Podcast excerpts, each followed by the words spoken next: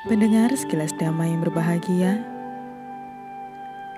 semenjak aku mencukur rambut dan cambangku, mengenakan jubah kuning, dan meninggalkan kehidupan rumah menuju tanpa rumah, belumlah pernah perasaan menyenangkan ataupun tak menyenangkan muncul, menyerbu batinku dan menetap.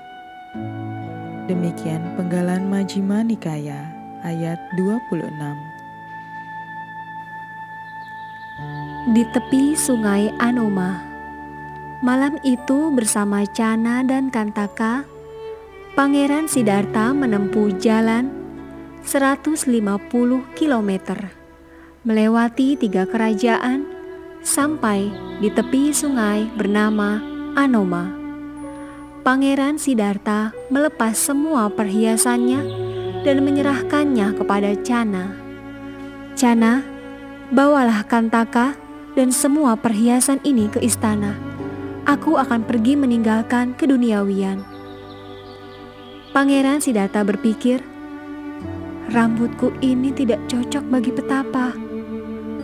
Pangeran Siddhartha memotong rambutnya dengan pedang, lalu melempar untayan rambut itu sambil berkata, "Jika aku akan menjadi Buddha, biarlah rambut ini tetap di angkasa. Jika tidak, biarlah rambut ini jatuh ke tanah." Dewa Saka, raja para dewa, menangkap rambut itu dan menyimpannya di surga Tawa Timsa. Pangeran Siddhartha menyadari pakaian mewahku dari Baranasi ini tidak cocok bagi petapa.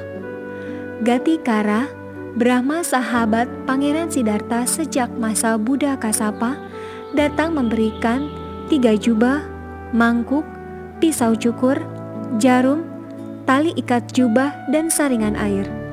Setelah mengenakan jubah yang pantas, Pangeran Siddhartha berkata kepada Cana, Katakan kepada ayah dan ibuku, aku baik-baik saja. Aku akan pulang saat tujuanku tercapai dan saat aku telah memutar roda dama. Maka pulanglah Cana membawa seluruh perhiasan Pangeran Siddhartha beserta Kantaka. Di perjalanan, saking sedihnya, Kantaka meninggal dan terlahir di surga Tawatingsa. Pangeran Siddhartha pun memulai perjalanan hidup sebagai petapa. Nantikan sekilas dama episode berikutnya yang berjudul Bertemu Raja Bimbisara. Sekilas dama spesial kisah hidup Sang Tata Gata akan hadir selama 100 hari menyambut Hari Waisak 2562 tahun 2021.